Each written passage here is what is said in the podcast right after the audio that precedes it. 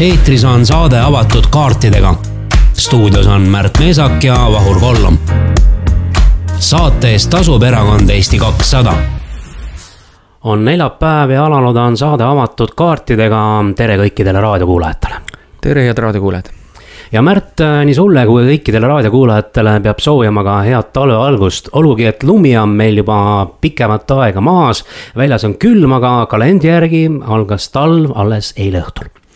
jaa, lume järgi on tõesti aru saada, et talv on käes, aga ega see külmakraadid on ka niimoodi, et üks äh, hommik on miinus kümme ja teine null, et, et eks meil see talv ikka natuke uperpallitab nagu alati. Õnneks internetikanaleid ei ole ära külmunud ja avasin mina ka hetk tagasi siin Eesti Panga lehekülge,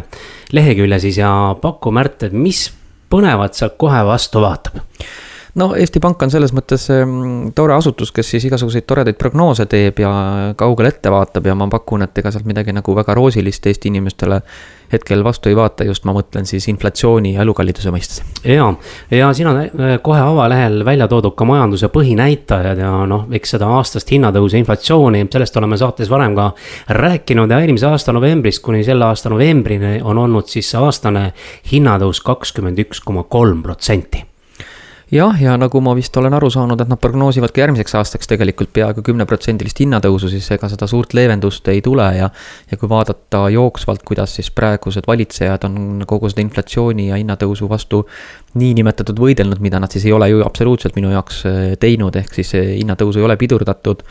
ja eh, inimesed ja ettevõtted on ikkagi suhteliselt rumalas olukorras, kus nad lähevad uuele aastale vastu äh,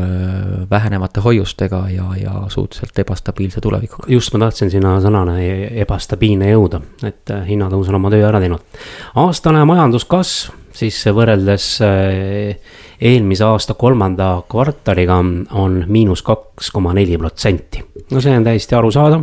nojah, võib-olla see inimestele otseselt reaalne raadiokuulajale midagi ei ütlegi ja tavaliselt tavainimene võib-olla nendest äh, majandusprotsendist üles-alla väga midagi nagu ei võida või ei kaota otseselt, aga mis see tähendab, see tähendab seda, et äh, riigieelarvesse raha hakkab vähem tulema mingil hetkel, mis tähendab seda, et, et ka seesama lennukülv, mis on siin enne valimisi ära toimunud, nendeks raha jääb vähemaks ja järgmine valitsus, kes siis peale viiendat märtsi peab hakkama uut eelarvet kokku panema, siis nad on ikkagi väga raske valiku ees, sellepärast et äh, tõenäoliselt vaadates ka seda töötuse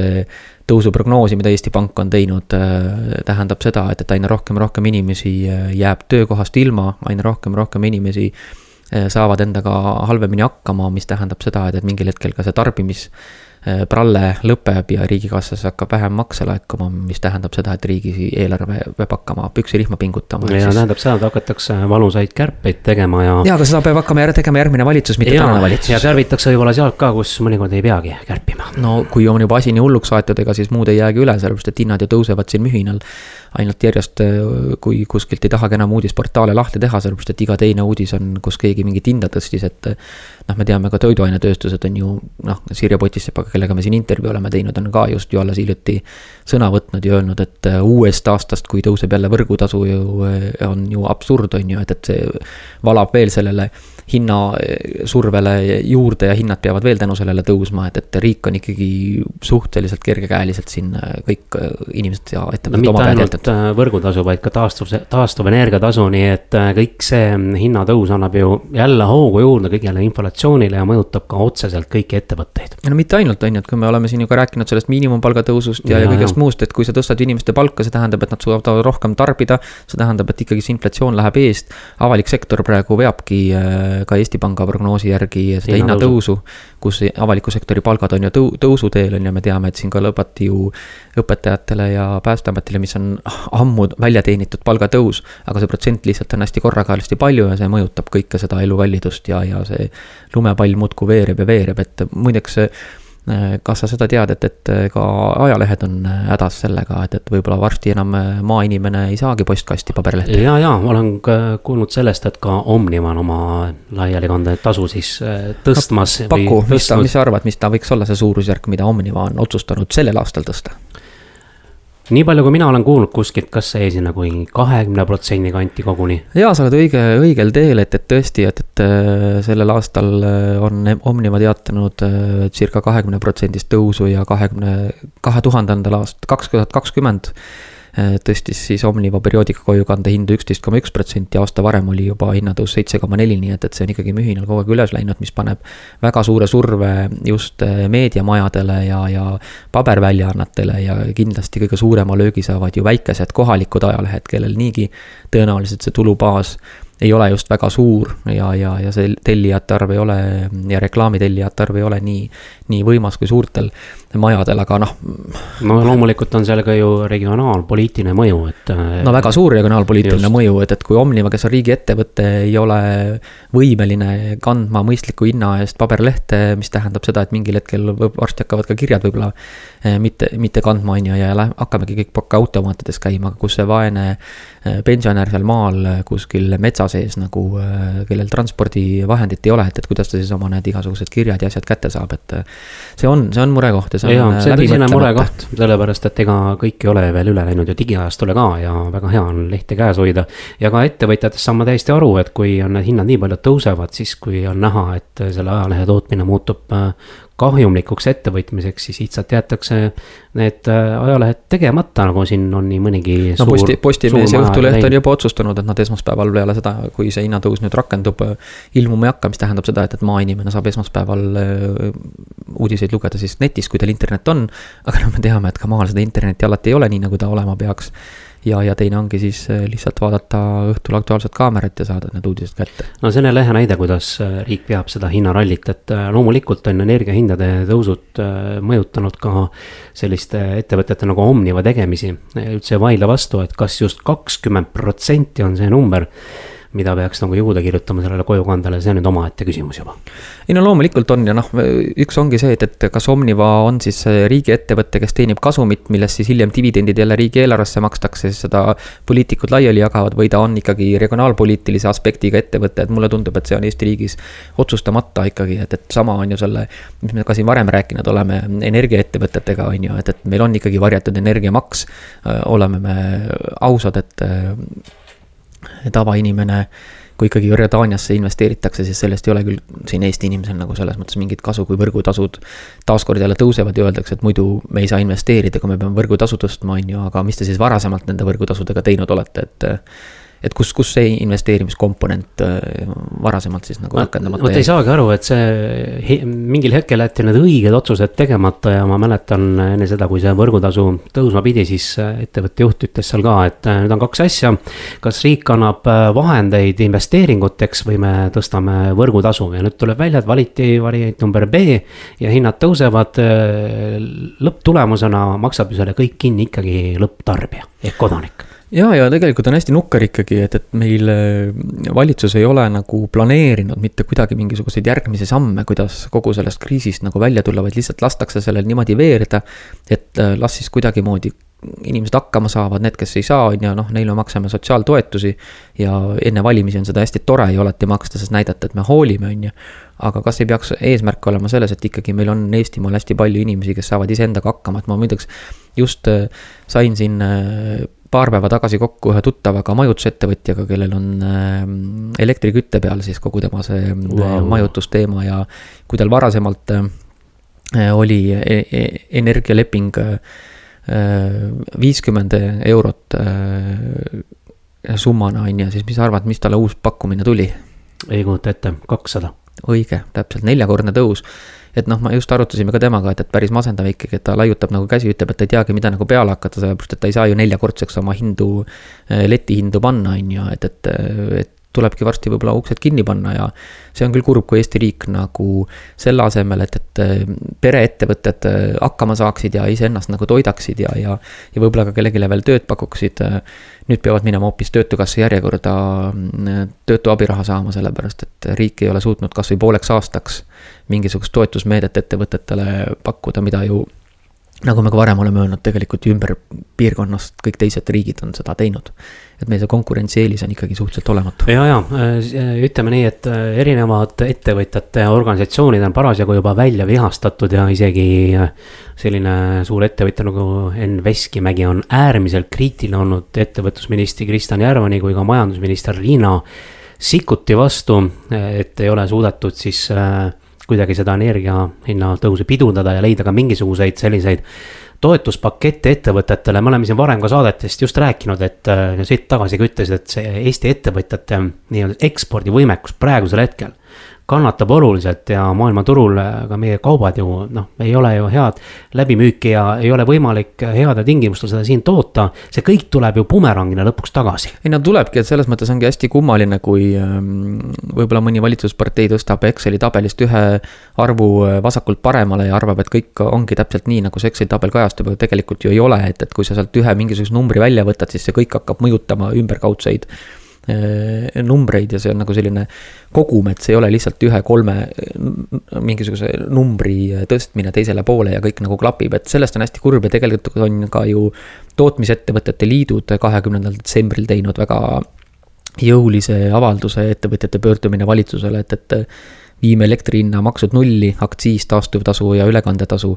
et äh, see ei ole ju mingisugune toetus, mida nagu ka minister räägib, Kristjan Järvan räägib, et me ei saa kõiki toetada. asi ei olegi mingis toetamises, asi on nagu mõistlikkuse piires ettevõtete ellujäämise tagamises, on ju. et -hmm. keegi ei küsi ju mingit äh, sularaha pangakonto peale, vaid nad küsivad lihtsalt konkurentsivõimelist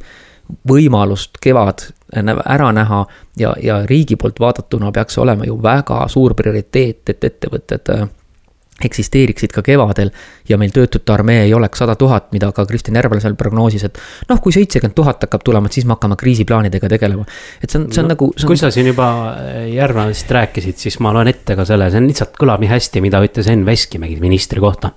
ministril puudus sõnum ja ta ei olnud ka ette valmistunud, see on siis kohtumisest äh, ministriga. meie oma poolt rääkisime ettevõtjate muredest seoses energiakandjate kõrgete kõrgete hindadega ja konkurentsist naaberriikidega.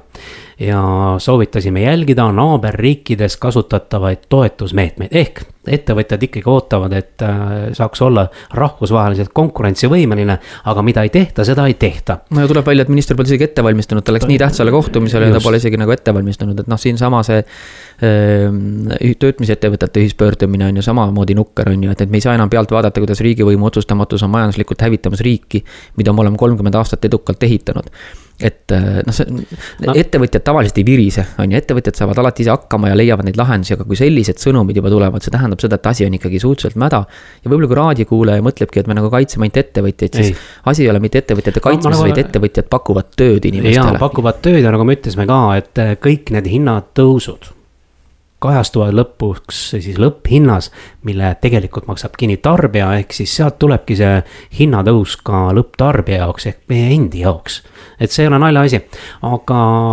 no selliseid, äh, noh, eks riigile ikkagi meeldib koledal kombel ju äh, toetusi maksta ja ümber jagada. et siin ennem juba tõid sisse selle, et noh, et äkki kuidagi jätaks selle mingisuguse maksutõusu ära näiteks on ju, et see võrgutasu ei tõuse. see taastuvenergia tasu ei tõuse või siis hoopis langetaks midagi, et see mõjutab ju seda ettevõtet ju kordades rohkem ja see mõjub kõigile ühetaoliselt. jaa, loomulikult ja noh, siin ka see uudis just ongi, et riigisektori kasvavad kulud toidavad jätkuvat hinnatõusu, et, et äh, ühtepidi kutsutakse inimesi vähem tarbima, aga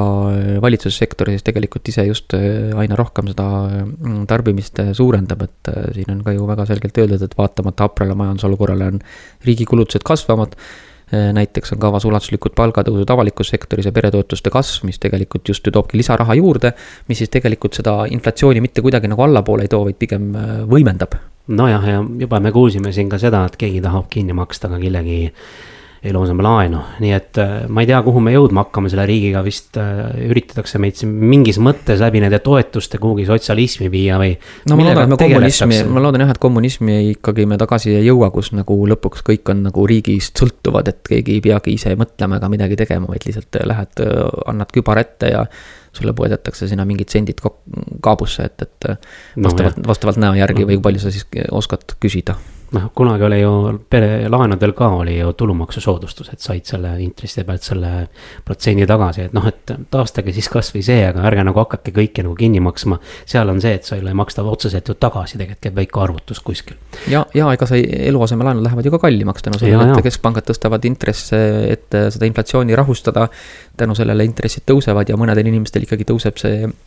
eluasemelaenu tagasimakse paarisaja euro võrra ja see on ka päris suur amps rahakotist lisaks kõigele muule ma toon veel mõned majanduse põhinäitajad siin välja, ennem rääkisime tööpuudusest ka ja kolmandas kvartalis sel aastal oli see viis koma kuus protsenti. ja aastane laenukasv on olnud aga kaksteist protsenti ja siis eelmise aasta oktoobrist kuni selle aasta oktoobrini. vot sellised äh, näitajad on Eesti Panga koduleheküljel üles välja toodud, et nii, kes tahab, vaadake lähemalt seda lehte no ah. just ja, ja väga selge on ju see, et hinnatõus teeb rahva vaesemaks, et siin ei ole nagu midagi teha, et, et äh, valitsus peaks kindlasti praegu kiiresti reageerima sellele, et need hinnatõusud pidurdada ja, ja kuidagimoodi stabiliseerida seda. no need mõjud hakkavad alles nüüd jõudma ja järgmisel aastal äh, jätkuvad ja nagu ma aru saan, siis äh, ega Eesti Pank väga positiivne ei ole küll, aga ütles, et mingid, mingid näitajad ütlevad, et aastaks kaks tuhat kakskümmend viis. kui asjad siin normaliseeruvad, hakkab paremaks minema, nii et selle. aga selleni tuleb elada. jaa, selleni tuleb elada. Aga lähme nüüd väiksele pausile raadiosaade avatud kaartidega on Raadio Ring FM eetris neljapäeviti kell üksteist. ühiskondlikel ja aktuaalsetel teemadel arutlevad Märt Meesak ja Vahur Kollom oleme nüüd väikeselt pausilt tagasi ja järgmine teema, mille me nüüd ette võtame või avame kaardi, on selline, millest üle me ümbert ei saa. see aasta on olnud ka selline pikk ja, ja poliitikud on ka nii mõndagi äh, kummalist siin ja seal korda saatnud? No on jah, ja kar-, kurb on küll jah, et, et me peame seda teemat natukene puudutama, ka aasta hakkab läbi saama ja võib-olla on mõistlik äh, võtta siis kokku ka äh, selle poliitaasta sellised ähm, emotsioonid võib-olla siis ja, ja noh, minu emotsioonid on küll ikkagi rohkem sellised, et, et äh, seda pori loopimist ja näpuga näitamist ja, ja sellist äh, kõrgsust üksteise suhtes on ikka poliitikud nagu päris kõrgele tasemele juba jõudnud, et ei teagi, kas on veel kuhugile üldse minna. nojah, kui hakata vaatama Riigikogu infotundi ja see, kuidas esitatakse küsimusi ja kuidas vastatakse, kõik see asi kokku on kohati ähm, no täiesti ebaviisakas ja, ja mis mind üllatab, on ka see, et äh, mõnikord äh, ka riigikogu istungi juhataja läheb ka seda mängu kaasa mängima, kui ta peaks tegelikult oma rollis olema täielikult erapooletu ja vastupidi, osapooli korrale kutsuma, et juba see näitab ära, millisel tasemel meil poliitiline kultuur, ütleme siis lonkab ta lonkab ikkagi väga suurelt ja, ja tegelikult on hästi kurb vaadata, et, et kui võib-olla siin noh, ma ei taha nüüd hästi sinisilmne olla, aga võib-olla ka üheksakümnendatel, olles ka ise mõne inimesega, kes seal veel oli, äh, kohtunud ja rääkinud, siis inimeste eesmärk Riigikokku minnes oli pigem nagu Eesti elu parandamine mm -hmm. ja sellist nagu iseendast maksimumi andmine ja kogemust ja jah, just aatelisust ja riigimehelikkust. siis täna ikkagi kumab see kõik välja pigem nagu vastupidi, et, et pigem minnakse sinna sellepärast, et lihtsalt on fun ja hea ja hea elu ja, ja siis see kõigepealt tuleb teenida partei ära, on ju, ja siis tuleb teenida iseennast ära ja siis võib-olla kui aega jääb, siis me tegeleme ka mingite riigi asjadega, et. see, see kumab ikkagi nagu väga jõuliselt igalt poolt nagu äh, järjest ja järjest välja. no eesmärk on nagu peamine poliitiliste punktide tellimine vahet ei ole, kui kõvasti ja halvasti kellelegi öeldakse. hiljem see kuskil kellegi kanalis trükitakse ära ja siis veel kõik jagavad äh, teatud äh, ususekti liikmed, kellele siis mis meeldib ja, ja veel kiidavad takka seda. et noh, et see näitab ära, et kuskohast see kala mädaneb ja Eestis see poliitiline kultuur. no sellest on juba aastaid räägitud, aga see ei ole kuhugi välja jõudnud, tänasel päeval mängitakse ka seda mängu, et on nagu kahe erakonna suur vastandumine. ühel heal päeval ma lugesin muideks ähm, ka ühe äh, Reformierakonna asutajaliikme, vist oli Heiki Kroonik tema nimi. Äh, artiklit äh, lugesin, mis ma lugesin ja räägiti ka arrogantsusest ja ülbusest, aga kui ma olin selle artikli lõpuni ära lugenud, siis see oligi äh, vastustes otsast lõpuni arrogantne ja ülbe nii et sealt juba tekibki selline, et meie teame kõigest kõike, mida teie õige siin arvate. siis selle peale keegi teine, kes on ka suur ja meeldib ilmselt halvasti öelda, hakkab poriga loopima veel rohkem. ja nii see pall veereb ja sisu unustatakse vahepeal täiesti ära. ega see ongi selline, et, et kuidas öeldakse, pada sõimab katelt, on ju, et, et ega siis ma arvan ka, et, et ka tänane peaminister ei saa kindlasti mitte peeglisse vaadata ja öelda, et ta ei ole liiga arrogantne või, või liiga selline üleolev, et, et eks ta ongi äh, vastaspooles ja ma, ma, ma loodan ka, et, et see niinimetatud kahe partei äh, mäng, mida nad siin nüüd enne valimisi üritavad nagu suurelt äh, üles puhuda, ikkagi lõpuks läbi ei lähe ja mulle tundub, et ta isegi vist ei lähe, sellepärast et viimased reitingud juba näitavad ühe erakonna äh, noolega allatulemist, mis on nagu ühtepidi hea uudis, et, et päris nagu kaks suurt ja siis ülejäänud jäävad võib-olla välja või mis iganes prognoosivad nad seal, et, et see, seda, seda nagu ei juhtuks, aga ega sellest poliitiline kultuur ju ei võida. ei võida sellest mitte kuidagi, kui kogu see poliitiline debatt debatt on mitte sisu teemal, vaid selle teemal, et, et kas sa oled sinise peaga või sul on blondid juuksed või, või sa oled lühike või paks, et see, see ei muuda kuidagi nagu seda sisu. ja, ja teine asi, mida ma soovitan ka raadiokuulajatel järele vaadata, et Eesti Televisioonis oli kunagi energia teemal üks tore debatt, see oligi täpselt selline debatt, kus pada sõimas katelt. Kõik on selle otsustamise juures olnud ja küll oli raske neile sõnu valida selles mõttes, et nad ja, ja kohati isegi äh, need erakonnad, kes on kauem võimul olnud, lausa tunnistasid oma vigu. selles mõttes oli see nagu hale naljakas äh, tragikoomiline saade ja ma tõesti soovitan seda järele vaadata, siis te saate aru, milline poliitiline kultuur tegelikult Eestis valitseb. ja, ja kogu see mm, loosunglikkus ka, mis praegu nagu siit välja tuleb, on ju, et üks räägib, et ta kaitseb Eestit ja teine päästab Eestit ja, ja kolmas äh, teeb midagi veel kolmandat, et. Äh, see on ka selles mõttes nagu ikkagi suhteliselt äh, jabur, et, et minu meelest ikkagi julgeolek ja kogu see asi hakkab ikkagi inimese enda kodust, on ju, ja kui inimene ei tunne ennast tuleviku suhtes kindlalt, ehk siis tal on ebastabiilne nii sissetulek kui ka võib-olla muud asjad. et äh, ta näeb, et ta ei saa varsti endaga enam hakkama, siis äh, see on hulga suurem julgeolekuoht kui see, kui peaminister või kaitseminister räägib, et meil on hästi palju rauda kuskil laos, on ju, ja ärge muretsege, et me oleme kaitstud, et äh, et see osa on nagu ju ära äh, kukkunud ja pigem on selline populistlik, äh, loosunglik äh, inimeste hirmutamine mõlemalt poolt, et ma, ma, ma ei usu küll, et ma loodan, et ka raadiokuulaja saab väga hästi aru, et, et kui täna ei oleks Reformierakond peaministripartei, siis suures plaanis Eesti julgeolek oleks täpselt samamoodi tagatud, nagu ta täna on, sest me oleme NATO liige. ja sellest ei sõltu, kas peaminister on Reformierakonnast või kuskilt mujalt, kuskilt mujalt, et oli ka ju Jüri Ratas peaminister ja me ei astunud NATO-st välja, et et, sellised hirmujutud on hästi äh, nõmedad ja varasemalt nad toetasid alati just Reformierakonna ja Keskerakonna vahelist sellist võõr või võõrviha ehk siis äh, rahvuspoliitika teemal on ju, et, et äh, venelased ja eestlased. sellest on nüüd üle saadud ja nüüd on tulnud mingisugune muu teema, et õiged eestlased no. ja mitte õiged eestlased, et ja. ärge sellega küll kaasa minge, et see on väga selline lühinägelik tee. ja järgiti, rääkides nüüd julgeolekust, siis mulle tuli kunagi meelde, et Reformierakond oli ju see ka, kes hõiskas välja, et teeme palgaarmee. igal juhul see oli, kui ma ei eksi, siis ka Jürgen Ligi isikus, kes oli tol hetkel kaitseminister, olles ise ka tol hetkel kaitseliitlane, siis ma mäletan, väga selge plaan oli Kaitseliit laiali saata, sest nad ei saanud aru, miks mehed käivad vabast ajast äh, riigi raha eest metsas äh, niinimetatud sõda mängimas, on ju, et, et äh, ajaloost ei tohi kindlasti nagu ära unustada neid fakte. et juttu oskavad kõik rääkida, aga reaalselt tulemusi on võib-olla teine. kuule, aga lähme helgema teemaga, et, et nagu me rääkisime, et iga inimese mm, julgeolek hakkab kodust, et me räägime ka sellest järgmises plokis ja, ja loomulikult heaolutunne hakkab kodust peale ja, ja järgmises plokis on meil tulekul ka intervjuu äh, Naiskodukaitse aseesinaise. Tartu ringkonna Naiskodukaitse esinaise mm -hmm. Monika Ristisaarega räägime siis, kuidas mõjutas kakskümmend neli veebruar ja kuidas nende liikmete arv kasvas ja mida üldse Naiskodukaitse teeb ja, ja miks tasuks sinna liikmeks astuda. kohtume hetke pärast raadiosaade avatud kaartidega on Raadio Ring FM eetris neljapäeviti kell üksteist. ühiskondlikel ja aktuaalsetel teemadel arutlevad Märt Meesak ja Vahur Kollom. ja olemegi pausilt tagasi ja oleme võtnud kõne Monika Ristisaarele, kes on siis Naiskodukaitse Tartu ringkonna aseesinaine. tere, Monika. tere, tere. tere, Monika Monika, eh, ma saan aru, et, et Naiskodukaitsel on sellel aastal olnud käed-jalad eh, suhteliselt tööd täis, sest kakskümmend neli veebruar muutis kindlasti organisatsioonis sellist eh, aktiivsust mäekõrguseks, et oskad sa äkki raadiokuulajale natukene valgustada, et, et mis juhtus peale kahekümne neljandat veebruarit Tartu ringkonnas?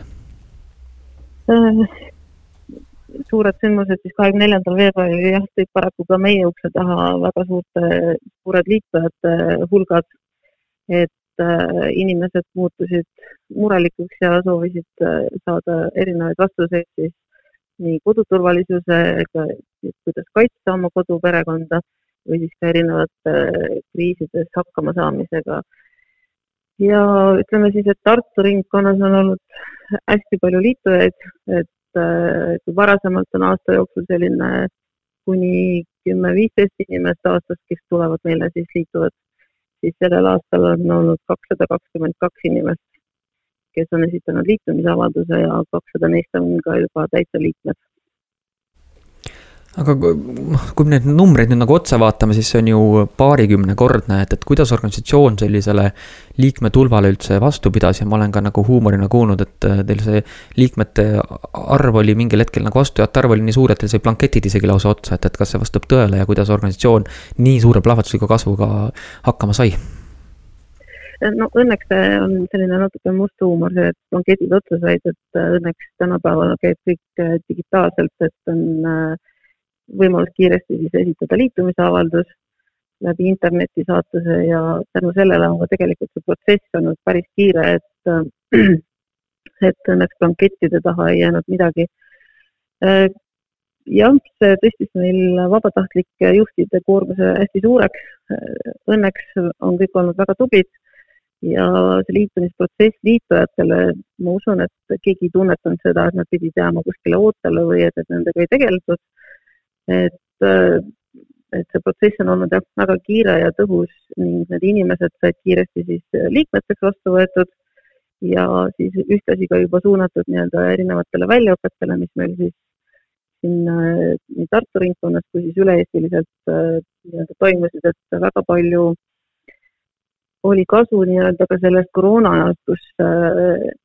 väga palju veebilahendusi leiti asjadele, ehk siis õpetustesse ja erinevatesse tegevustesse. aga millega Naiskodukaitse täpsemalt tegeleb, võib-olla natukene selgitaks ka raadiokuulajale seda naiskodukaitse väga üldisemalt on siiski laiapõhine riigikaitseline organisatsioon, et see on selline hästi ilus keeruline nimetus mm,. hetkel ilmselt saame öelda, et elanikkonnakaitse valdkonnaga tegeleme peamiselt, et näiteks Ole valmis kriisiäpp, mis on alguse saanud Naiskodukaitsest. Ja mida me siis praegu hetkel laialdaselt siis ähm, reklaamime koos Päästeametiga. Aga ähm, panustatakse, panustavad naised siis ka siis äh, sõjalises pooles, et äh, osaletakse erinevate üksuste väljaõpetel, äh, on nii tagalas kui siis nii-öelda eesliinil ja evakuatsiooni poole pealt on meil samamoodi loodud äh, igasse maakonda siis praegu erinevad evakuatsioonirühmad, mis on valmis tegutsema siis erinevatel kriisidel. kriis ei pea siis olema kindlasti sõda, vaid ükskõik milline elektrikatkestus, lumeuputus, äh, mis iganes meid siin tabada võivad järjest, ja on ka tabanud võib-olla raadiokuulaja jaoks on äh, jäänud ka natukene segaseks, mis on üldse Kaitseliidu kui ähm, nende laiguliste meeste metsas jooksmise ja naiskodukaitsjate, kes on siis ilusates sinises vormides äh, Eh, liikmete vahe, et, et äkki sa seda ka natukene raadiokuulajale selgitad, et eh, kai-, noh, Naiskodukaitse on ju üks Kaitseliidu osa, aga mis on need põhierinevused? põhierinevuseks vist võib seda äh, tegelikult öelda, et kui kaitseliitlased peamiselt tegelevad äh, siis sõjalise väljaõppega, siis naiskodukaitsjad saavad osaleda nii sõjalises väljaõppes äh, vastavalt soovile, kui siis ka tegeleda siis evakuatsiooniga, elanikkonna õpetamisega, et äh, Naiskodukaitse tegevus on võib-olla natuke sellisem äh, laialdasem, et ta pakub erinevaid võimalusi siis erineval äh, huviringile nii-öelda, et kõik ei pea võtma relva kätte ja minema metsa, vaid et saab tegeleda siis ka tagalas nii-öelda siis selle kodu korras hoidmise või siis kaitsmisega okei okay,, ma arvan, et äh, natukene parem küll, aga mm, teades, olles ise ka ju kaitseliitlane on ju, kaasa rääkides, siis tegelikult ka Naiskodukaitsel on mitte ainult Tartu selline pidepunkt, vaid teil on ka erinevad osakonnad, et kui raadiokuulaja näiteks tunneb huvi, et, et oh, ma tahaks ka kaasa lüüa kait-, noh, Naiskodukaitse tegevuses, aga ma ei ole tartlane, et, et mm, äkki sa tood ka siin välja, et, et kuhu peaks üldse selline aktiivne naisterahvas minema, kes võib-olla elab näiteks äh, kuskil mm, ütleme Meeksis? ja igas maakonnas, ehk siis noh, meie mõistes on need ringkonnad, aga väga üldistatult on need ikkagi maakonnapõhised, on siis äh, äh Naiskodukaitse samamoodi nagu on Kaitseliidul, et on malevad äh,, et on samamoodi siis Naiskodukaitsel on erinevas maa, igas maakonnas oma nii-öelda keskus ja ilmselt kõige paremini saab selle kohta infot siis Naiskodukaitse lehekülje pealt, et naiskodukaitse.ee, et äh, seal on olemas instruktorite kes on siis naiskodukaitse palgalised, kellega saab ühendust võtta ja saab küsida tegelikult täpsemat infot, et kuidas saaks liituda või kuidas saaks panustada, et, et nii on ilmselt kõige lihtsam aga millised õppused või niisugused harjutused on äh, naiskodukaitsjate seas kõige populaarsemad, ehk kui te kuulutate midagi välja ja on mingid asjad, millel alati on äh, need grupid ennast iseenesest kohe täidavad? no sellel aastal on muidugi see, et, et kõik, äh, mis välja kuulutatakse, on kohe täis, sest et kuna nii palju uusi inimesi on, uusi liitujaid olnud, siis huvi on väga suur. aga läbi ajaloo, ma arvan, on kõige populaarsem olnud siin ikkagi meditsiini ja esmaabi baasväljaõpet. et on alati sellised ülerahvastatud ja samamoodi on ohutushoid, mis siis annab väga otseselt vastused ja teadmised sellele, kuidas oma kodu korda teha või tagada kodu turvalisus. No Märt Meesak viskas siin kohe nalja, et naiste seas on kõige populaarsem toidu tegemine, aga see vist nii ei ole, nagu siin vastuses selgus. Ja selles mõttes toidu tegemise tähtsust ei saa kuidagi nagu alaväärtustada, et see on väga tähtis, sest et ega tühja kõhuga sõdur metsas ei taha ka õppusel olla, et et kindlasti see tagala osa toitlustamise poole pealt on meil ka alati hästi kindlustatud, aga see jah, ei ole kõige populaarsem, et see on selline vajalik oskus, mida siis tegelikult üsna mm, üsna väike grupp tegelikult inimesi, kes valib selle poole, et nad tahavad minna toitlustama siis metsa, sest et väliköögis äh, metsas toitlustada, olenemata sellest, mis sealt taevast alla tuleb, on ikka päris keerukas tegelikult, et ei, see on suur väljakutse, olles ise seal ka äh, taustajõuna olnud ja ma tean, et tegelikult just nagu kaitseliitlaste ja meeste jaoks on alati mm, rõõm näha, kui naised on äh, sooja toiduga äh, kuskil metsa tulnud ja, ja katel teeb sooja seljankat või teed, et see kindlasti motiveerib ja noh, nagu me näeme ka Ukrainas, et väga oluline on ikkagi see tagala toetus meestele, et, et, et oleks kuivad saapad ja, ja kõht täis. aga, aga võib-olla räägimegi natuke nagu Ukrainast, et mida Tartu ringkond on äh, hetkel äh, näiteks Ukrainaga seoses äh, ette võtnud, et kas oma kolleege seal aidata või, või mismoodi on Naiskodukaitse siin panustanud? no kui me räägime nüüd näiteks aasta algusest, siis meie väga suur väljakutse tegelikult naistel oli põgenikekeskuse töös hoidmine kakskümmend neli seitse, et kuna bussid saabusid ette teatamata aegadel siis äh, oli valmisolek nii-öelda vabatahtlikest, need on siis inimesed, kes äh, tegelikult teevad ka veel lisaks mingit muud oma igapäevast tööd, aga nad olid valmis ka tõesti ka öösel välja tulema, et kui tuli teada, et nüüd on buss tulemas, siis nad äh, tõttasid sinna põgenikes, põgenikekeskusesse ja vormistasid siis kõik need põgenikud ja aitasid neil sisse elada nii-öelda samuti ma tean, et hotellides käisid siin meie vabatahtlikud erinevaid intervjuusid tegemas nende põgenikega, et välja selgitada nende vajadused. ja nüüd viimasel ajal, hetkel on suurem aktsioon siis nende küünalpriimuste valmistamine, et mis juba esimesed saadetised peaks nagu juba Ukrainasse kohale jõudnud, et nii kaevikutesse kui ka Donetskisse kuskile tagasi et need on võib-olla äkki sa korra valgustad lihtsalt raadiokuulajat, mis see küünalpriimus on? küünalpriimus, et äh, on siis äh, plekk purgi sisse, keeratakse lainepappe, sinna sulatatakse sisse äh, küünlavaha. et see selline vist viis kuni seitse tundi peaks andma siis sooja ja vett olema võimalik seal siis nii-öelda ka natukene vett keeta peal. aga peamiselt on ta soojusallikana mõeldud aitäh, kuule, aga räägi mulle seda, et, et sa oled ka pikaaegne naiskodukaitsja, ma tean, on ju, olen sind ju ka teinekord metsas näinud, et. kuidas naised enda motivatsiooni üldse hoiavad, et kuidas tekib see tahe uuesti pere kõrvalt minna jälle sinna niinimetatud metsa ja, ja panustada eh, Eesti riigi hüvanguks ja kõigi teiste hüvanguks, et mis on see võti? ma arvan, et eks see on sisemine põlemine ja see, noh, see kõlab võib-olla väga suurusjärguvalt, et patriootlikkus, aga kõik see õla, õlg-õla tunne tegelikult, mis äh, ka metsas olles, et ma ise kuulun samamoodi sõjaüksusesse, et äh, kui sa oled seal kuskil metsas varjumas ja su kõrval on kaaslane, kellele sa võid kindel olla, siis see annab sellise hea tunde ja siis kuigi seal on raske, siis järgmine kord tuled ikka hea meelega tagasi, aga pigem ma arvan jah, et see on selline sisemine põlemine ja tahe midagi ära teha kuule, aga kummutame selle väite ka, et, et ma olen hästi tihti ka kuulnud, et justkui inimesed nagu äh,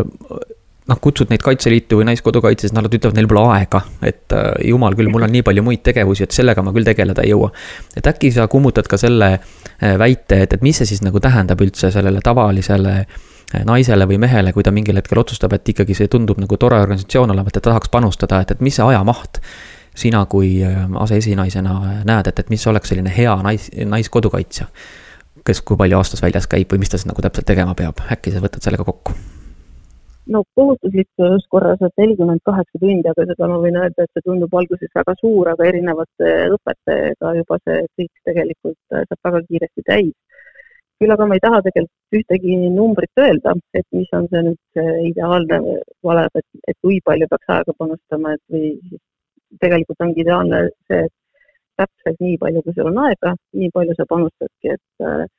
naiskodukaitses võib-olla ongi sellepärast on, äh, on ka hea, et keegi ei nõua sinult, et sa pead kindlasti tulema kuuel nädalavahetusel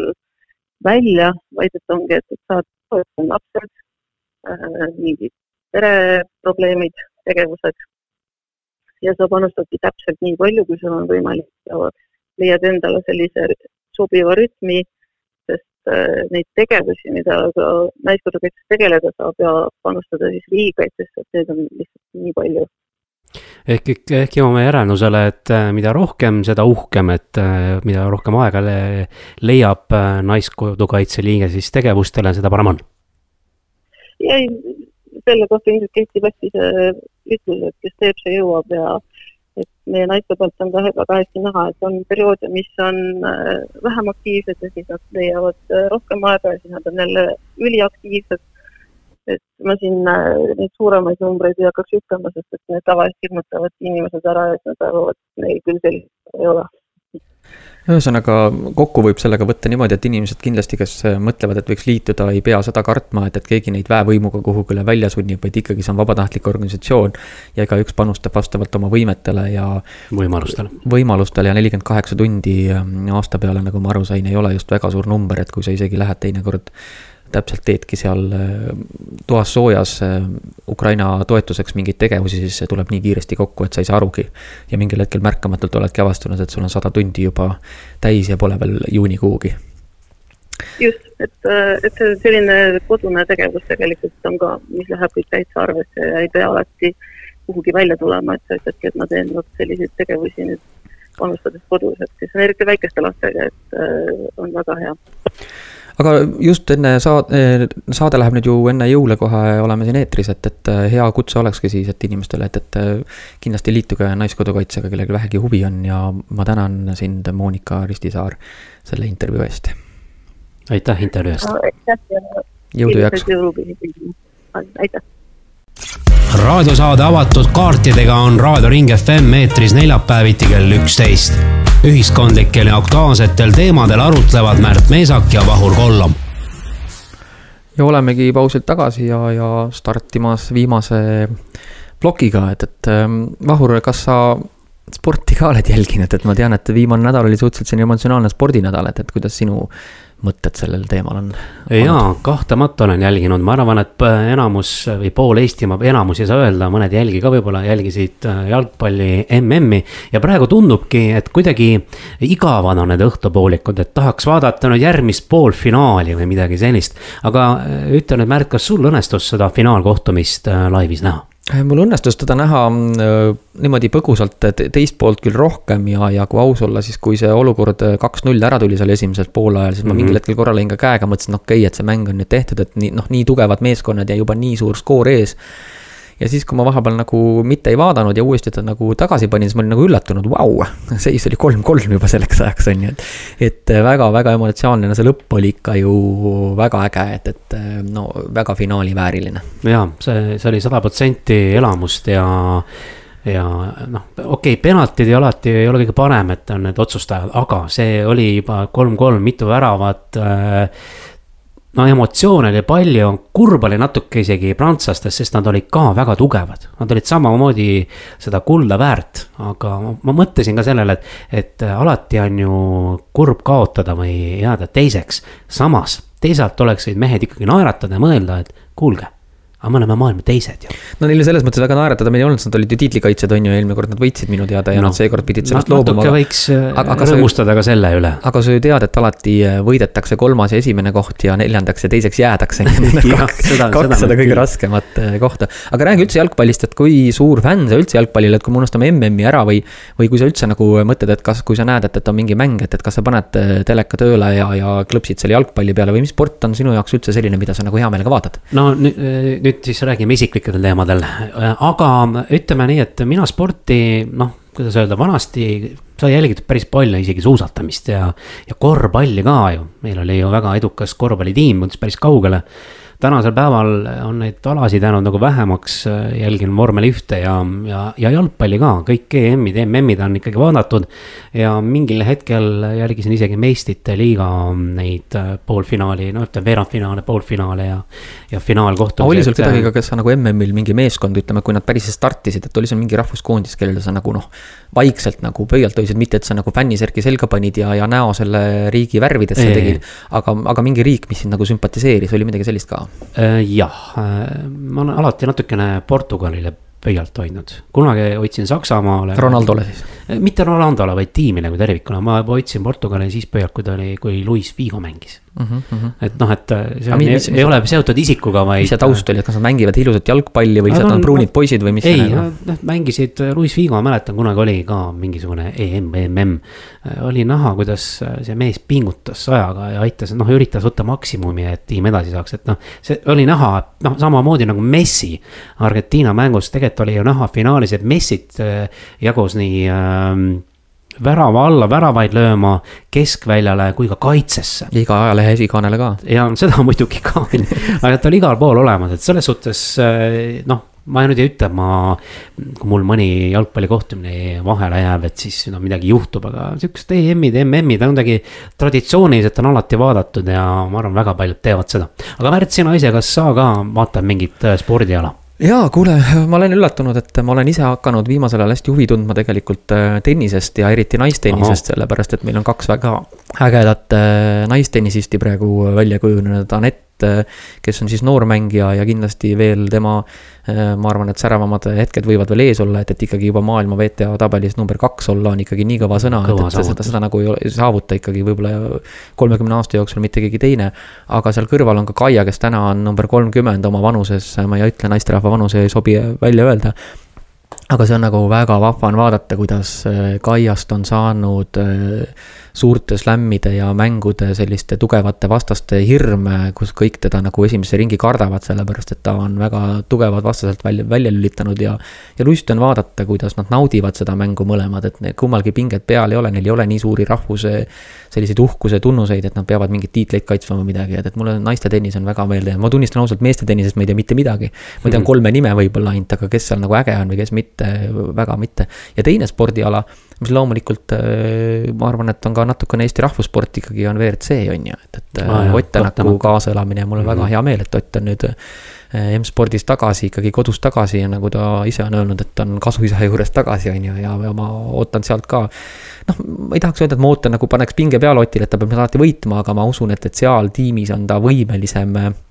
midagi saavutama, sellepärast et Hyundai's ikkagi ta jäi Terri äh, varju ja mulle tundis, tunduski, et, et Hyundai tiimi ei juhtinud mitte tiimipealiku Adamo Aralaks, vaid Terri ise, et, et kõik need igasugused korraldused. kui Ott nagu ees oli ja, ja tiimi korraldused taga, tagantjärgi ei tulnud, et teda nagu mööda lasta või nagu paremat positsiooni no, teha, et, et. Äh, autoarendus ja õhkkond ei olnud tõesti seal päris paigas ja ütlen ausalt, et ega minagi olen WRC-d jälginud just tänu Ott Tänakule, et noh, et, et see. no Märtini ajal ka jälgisime. Märtini ajal ka, mitte niivõrd-kuivõrd on ju, aga nüüd ikkagi sa jälgid, kui tead, et see käib, siis sa. Mitte, et sa nüüd oled nagu online'is kogu aeg, vaata oot-oot-oot, ma nüüd korra lähen scroll in seal mm. -hmm. vaatan, mis see seis on, on ju, siis vaatad, ah okei okay.. ja siis avad mingi kanali ja vaatad, oot-oot, siin näeb otse ka natukene ja siis vaatad ja. ja siis tunned nagu head rõõmu, et äh, ma küll ei ole see inimene, kes läheb rallisid kuhugi äh, laja, raja äärde vaatama, olen ka seda teinud kunagi äh,. noh, aga kuidagi äh, ülevaatlikult on mujal, mujal seda parem vaadata, nii et kellel meeldib käia, käige, see on äge tegevus, ma tean et et nii kui see mm, uus MK, et mis, mis MK ralli etapp siia tuleb, siis pääsemed ja kõik ostavad ära ja terve eestlaste jaoks on see suur rallipidu. omadele tuleb ikka kaasa aidata, elada, sellepärast et ega me oleme väike riik ja kui palju meil üldse neid tippsportlasi on, et, et ma arvan, et kui nad on olemas ja nende anne on ikkagi nii silmnähtavalt äge, siis tuleb seda toetada ja positiivselt kaasa elada. aga, aga meil... see anne tundub, tuleb niimoodi välja, et on ikkagi just nimelt üksikaladel, olgu see mootorisport, tennis. meeskonnaaladel läheb veel palju aega, sest meil on väga väike riik ja see väga, väga keeruline leida kasvõi jalgpallikoondisesse kümme no, messi. ühtlast taset on jah raske leida. aga meil hakkab täna saade otsa saama ja ega sellise võib-olla üllatooniga me saamegi täna äh, vaadata pühade aega, et, et kutsume inimesi kindlasti toiduga mitte priiskama ja, ja mõistlikult sööma, sellepärast et terve aasta on veel jälle ees, millal saab süüa, ei pea kõike terve aasta toitu ette ära sööma või tagantjärgi sööma. sellepärast me rääkisime ka siin spordist ja spordi vaatamisest, et äh, võib-olla. tuhitud sport on kõva sõna. jaa, kui... et äh, võib-olla jõulude ajal on üks tore asi veel, mida teha, kui väljas on vähegi ilus ilm, et äh, minna jalutama perega absoluutselt ja, ja olge mõnusad, terved ja hoidke positiivset meelt, et kohtume nädala pärast. Kauneid jõule teile raadiosaade avatud kaartidega on Raadio Ring FM eetris neljapäeviti kell üksteist. ühiskondlikel ja aktuaalsetel teemadel arutlevad Märt Meesak ja Vahur Kollom. saate eest tasub erakond Eesti kakssada